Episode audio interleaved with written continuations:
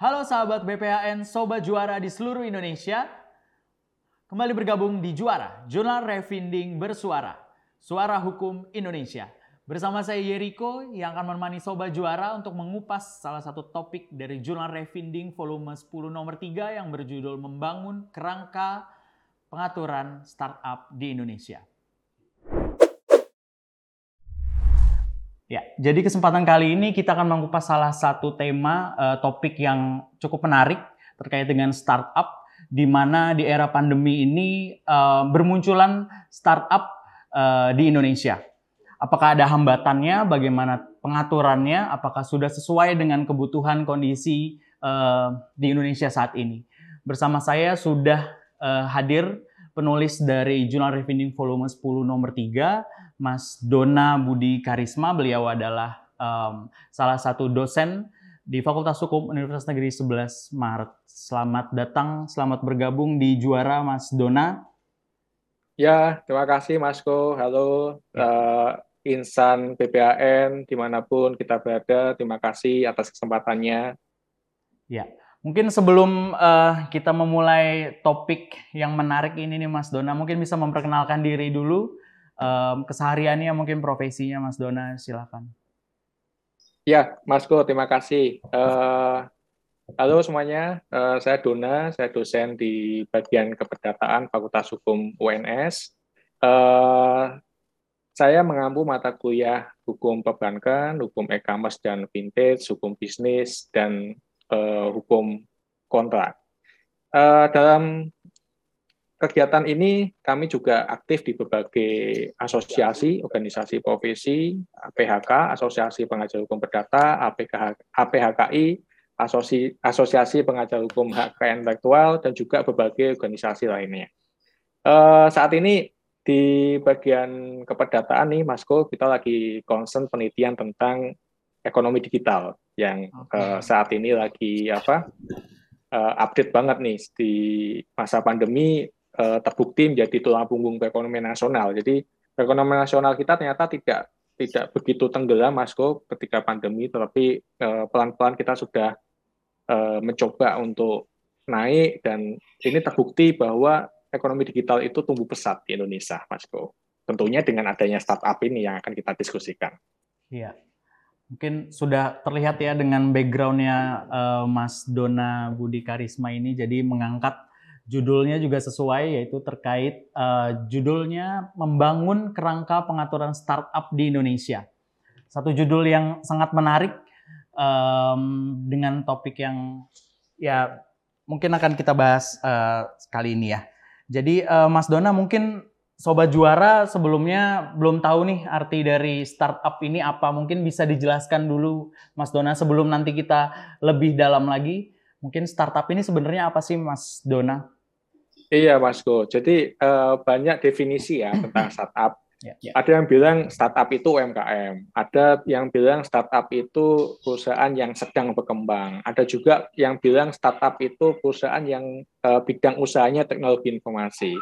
Tapi kalau kita lihat definisi secara global, startup itu ya perusahaan rintisan yang uh, bergerak di bidang yang menggunakan teknologi informasi sebagai kegiatan usahanya. Jadi dalam penyelenggaraan kegiatan usahanya, perusahaan startup itu dia menggunakan teknologi informasi. Itu kuncinya startup.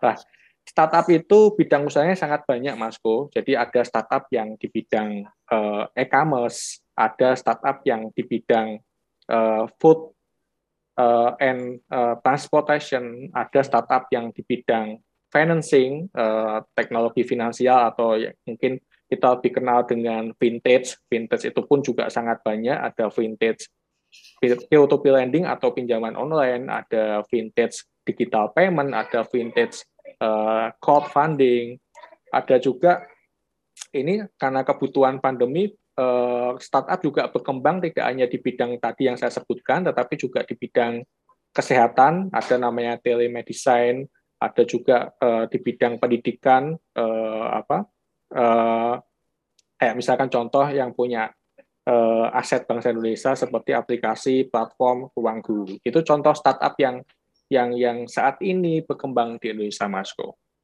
ya, itu ya. contoh-contoh ya. perusahaan startup Jadi bisa dikatakan startup ini membantu untuk seluruh uh, masyarakat Indonesia ya dalam dalam kesehariannya dalam segala aspek untuk bisa lebih mempermudah begitu ya Mas Dona ya. Iya betul. Ya jadi uh, kemudian uh, dengan um, Mas Dona menulis terkait uh, startup ini mungkin bisa dijelaskan gitu bisa disampaikan ke sobat juara um, teasernya aja nih Mas Dona, mungkin uh, seperti apa isi dari um, naskah yang sudah Mas Dona tulis ini? Ya, uh, Masko yang pertama begini, hasil Digital Economy Report yang dirilis oleh Google pada tahun 2021 itu mengatakan bahwa Indonesia valuasi ekonomi digitalnya paling besar di Asia Tenggara. Jadi sampai dengan 70 miliar US dollar. Nah, namun dengan valuasi ekonomi digital yang sebanyak itu, uh, indeks startup ekonomi ranking indeks startup kita itu ranking 45. Kita jauh di bawah Malaysia, kita jauh di bawah Thailand, kita jauh di bawah Singapura, kita jauh yang ranking pertama itu adalah Amerika. Kedua adalah Inggris, ketiga India dan juga ada Cina dan sebagainya. Nah, setelah kita kaji uh, indeks uh, startup report tadi, ekonomi indeks startup itu kita kaji, ternyata ada permasalahan di bidang policy soal startup kita. Nah, ini yang yang membuat kita kenapa sih kok Indonesia dengan valuasi ekonomi digital katanya yang paling banyak se-Asia, se-Asia Tenggara khususnya, tapi kok indeks startup kita kok jauh uh, di bawahnya Malaysia. Padahal satu sisi uh, pertumbuhan pertumbuhan middle class-nya Indonesia itu sangat tinggi penetrasi internet kita juga sangat tinggi. Jumlah penduduk kita uh, yang menggunakan e-commerce juga tinggi. Artinya selama ini berarti kita tahu bahwa Indonesia itu hanya sebagai market saja. Kita nggak punya nih pelaku-pelaku startup kita. Jadi pelaku-pelaku startup ternyata uh, kebanyakan bukan dari Indonesia nih. Walaupun kita sudah punya satu dekakon ya, kayak misalkan uh, Goto yang dia hasil apa mergernya Gojek dan Tokopedia, tetapi ternyata pemain-pemain startup yang ada di Indonesia itu masih kebanyakan tidak berasal dari Indonesia. Ini yang yang uh, yang menjadi apa alasan kita pengen kenapa kita pengen mengkaji permasalahan regulasi soal startup ini karena hasil indeksnya startup global itu mengatakan bahwa uh, business environment and uh, policy supportnya startup Indonesia itu masih masih minim begitu itu Mas Ko. Ya. Ya, saya pribadi ini sebagai uh, pembaca Revining juga cukup tertarik gitu dengan uh, dengan uh, tulisan dari Mas Dona ini karena mungkin uh, perlu diketahui sobat juara juga Mas Dona juga uh, membandingkan dengan uh, beberapa negara ya Mas Dona ya. Contohnya yeah. Amerika, Italia, Tunisia begitu ya. Dan ini ini cukup cukup menarik dan sangat bermanfaat sobat juara untuk kita baca terkait dengan hal ini. Dan um, Mas Dona dari tulisan yang sudah Mas Dona uh, tulis di jurnal Refining ini, mungkin uh, secara singkat saja Mas Dona, apakah uh, ada temuan-temuan uh, tertentu begitu atau uh, dan bagaimana dengan solusinya gitu dari dari apa yang sudah uh, Mas Dona tulis ini dari yang sudah dibandingkan uh, dari negara lainnya dan problematika yang ada di Indonesia ini Mas Dona. Mungkin secara singkat saja Mas Dona. Ya, uh, ini kita dalam konteks Indonesia dulu, Masko. Jadi uh, kita itu over regulation. Ketika banyak regulasi, efeknya adalah uh, ada mekanisme birokrasi dan perizinan yang panjang. Contoh misalkan, kita ambil contoh misalkan platform Gojek. Uh, Gojek di situ dia ada uh, perdagangan retail, di situ dia juga ada transportasi, dari situ juga dia ada uh, apa uh, apa kayak GoPay misalkan itu bentuk digital payment, dia juga ada telemedicine juga. Nah, itu izinnya itu tidak hanya cukup di satu OSS saja itu. Nah, uh, jadi ada tiga mekanisme izin ya. Jadi misalnya seperti izin awal, jadi kayak izin pendirian badan hukumnya, pendirian PT-nya. Yang kedua ada izin eh, dalam arti izin perusahaan secara umum lewat OSS itu, yang ketiga izin khusus. Jadi izin sektor khusus ini yang yang izinnya itu panjang. Jadi misalkan kayak Gojek itu sesuai dengan dia punya banyak bidang usaha tadi, izinnya itu di tempat berbagai macam tadi. Jadi misalkan kayak Gojek dia punya GoPay. Ya. Karena GoPay itu adalah digital payment, Mas Go, maka izinnya juga di Bank Indonesia. Gitu. Tapi sebelum di Bank Indonesia, karena dia itu adalah platform teknologi informasi, dia izin dulu di Kemenkominfo, karena itu platform penyelenggara sistem elektronik, izinnya di Kemenkominfo. Jadi contoh lagi misalkan di Gojek ada pay letter yang kayak semacam lending, ya. dia juga izinnya di OJK. Jadi izin-izin yang terlalu banyak itu yang menjadi salah satu bisnis challenge uh, di startup Indonesia. Nah, ini yang yang yang yang yang menjadi uh, apa tantangan bisnis startup di Indonesia. Selain itu, Masko, kita uh, tidak ada lembaga atau kementerian khusus yang dia mengayomi atau menaungi startup satu sisi banyak juga lembaga yang dia juga punya eh, UMKM startup binaan. Jadi kayak Kemenkominfo dia punya startup binaan, uh, Kemenkop dan UKM dia juga punya program yang pemberdayaan startup. Kementerian Pariwisata dan Ekonomi Kreatif karena startup itu masuk sebagai skup ekonomi kreatif, dia juga melakukan pemberdayaan di bidang usaha startup. Jadi banyak nih tumpang tindih kementerian. Nah, ini dalam konteks uh, nasional. Dalam konteks internasional, uh, tadi Mas Riko bilang startup lagi booming nih di Indonesia. Padahal ya, kalau ya. di Amerika itu tahun 2012 itu sudah booming.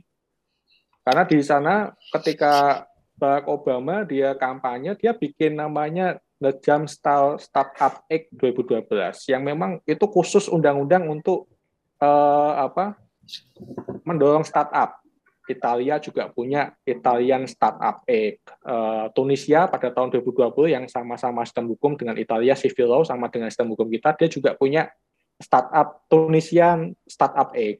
Ya, ya. Uh, ini eh, negara-negara lain itu sudah dia punya undang-undang spesifik nih tentang startup. Jadi karena saking dia punya karakteristik yang khas karena dia bidang usahanya menggunakan teknologi informasi dan uh, ekonomi digital itu sebagai apa kontribusinya terhadap PDB sangat tinggi, dia punya undang-undang khusus spesifik tentang itu. Nah, bandingkan dengan India yang memang dia tidak punya undang-undang, tetapi dia punya namanya Startup Action Plan 2016. Jadi seperti roadmap eh, apa visi misi pemerintah India untuk eh, mendorong startup di India. Jadi walaupun dia nggak punya undang-undang, dia punya Startup Action Plan. Nah, dibandingkan dengan Indonesia, kita belum punya sama sekali nih regulasi maupun roadmap tentang startup. Ini yang yang yang yang apa yang yang jadi bisnis challenge uh, startup di Indonesia dari sisi regulasi dan policy itu seperti itu. Yang kedua, India dan Jerman itu dia punya komisi startup nasional.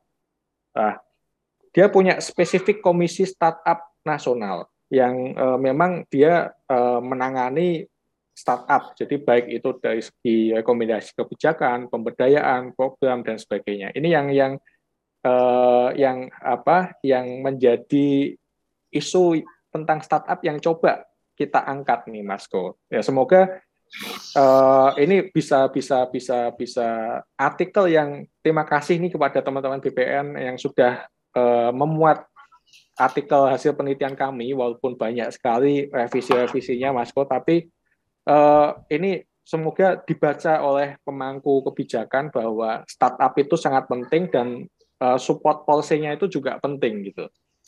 Itu Masko. Itu Masko. Iya. Cukup lengkap sekali tadi penjelasannya Mas Dona. Jadi um, tadi sobat juara Mas Dona sudah menjelaskan tantangan-tantangan uh, yang ada dari startup ini. Dan uh, mungkin yang terakhir ini Mas Dona. Uh, pastinya tulisan ini tidak hanya uh, tidak hanya bermanfaat untuk akademisi di bidang hukum saja atau mahasiswa. Mungkin uh, Mas Dona bisa menyampaikan mungkin siapa saja sih yang uh, apa yang bermanfaat gitu, manfaat dari tulisan ini begitu Mas Dona. Mungkin untuk siapa saja mungkin bisa dijelaskan Mas Dona. Ya, uh, kita ingin artikel ini bisa dibaca oleh khususnya oleh pemerintah khususnya juga kepada uh, Mas Riko dan teman-teman di BBAN, mungkin agenda ke depan nih Mas Ko, yuk kita bikin naskah akademik tentang urgensi pembentukan undang-undang startup nih. Ini penting sekali nih Mas Ko. Ya. Uh, isu ini dulu juga sudah sempat saya sampaikan ke wali kota yang di Solo, Mas Gibran, uh, karena di negara-negara Uni Eropa peranan lokal government itu juga penting.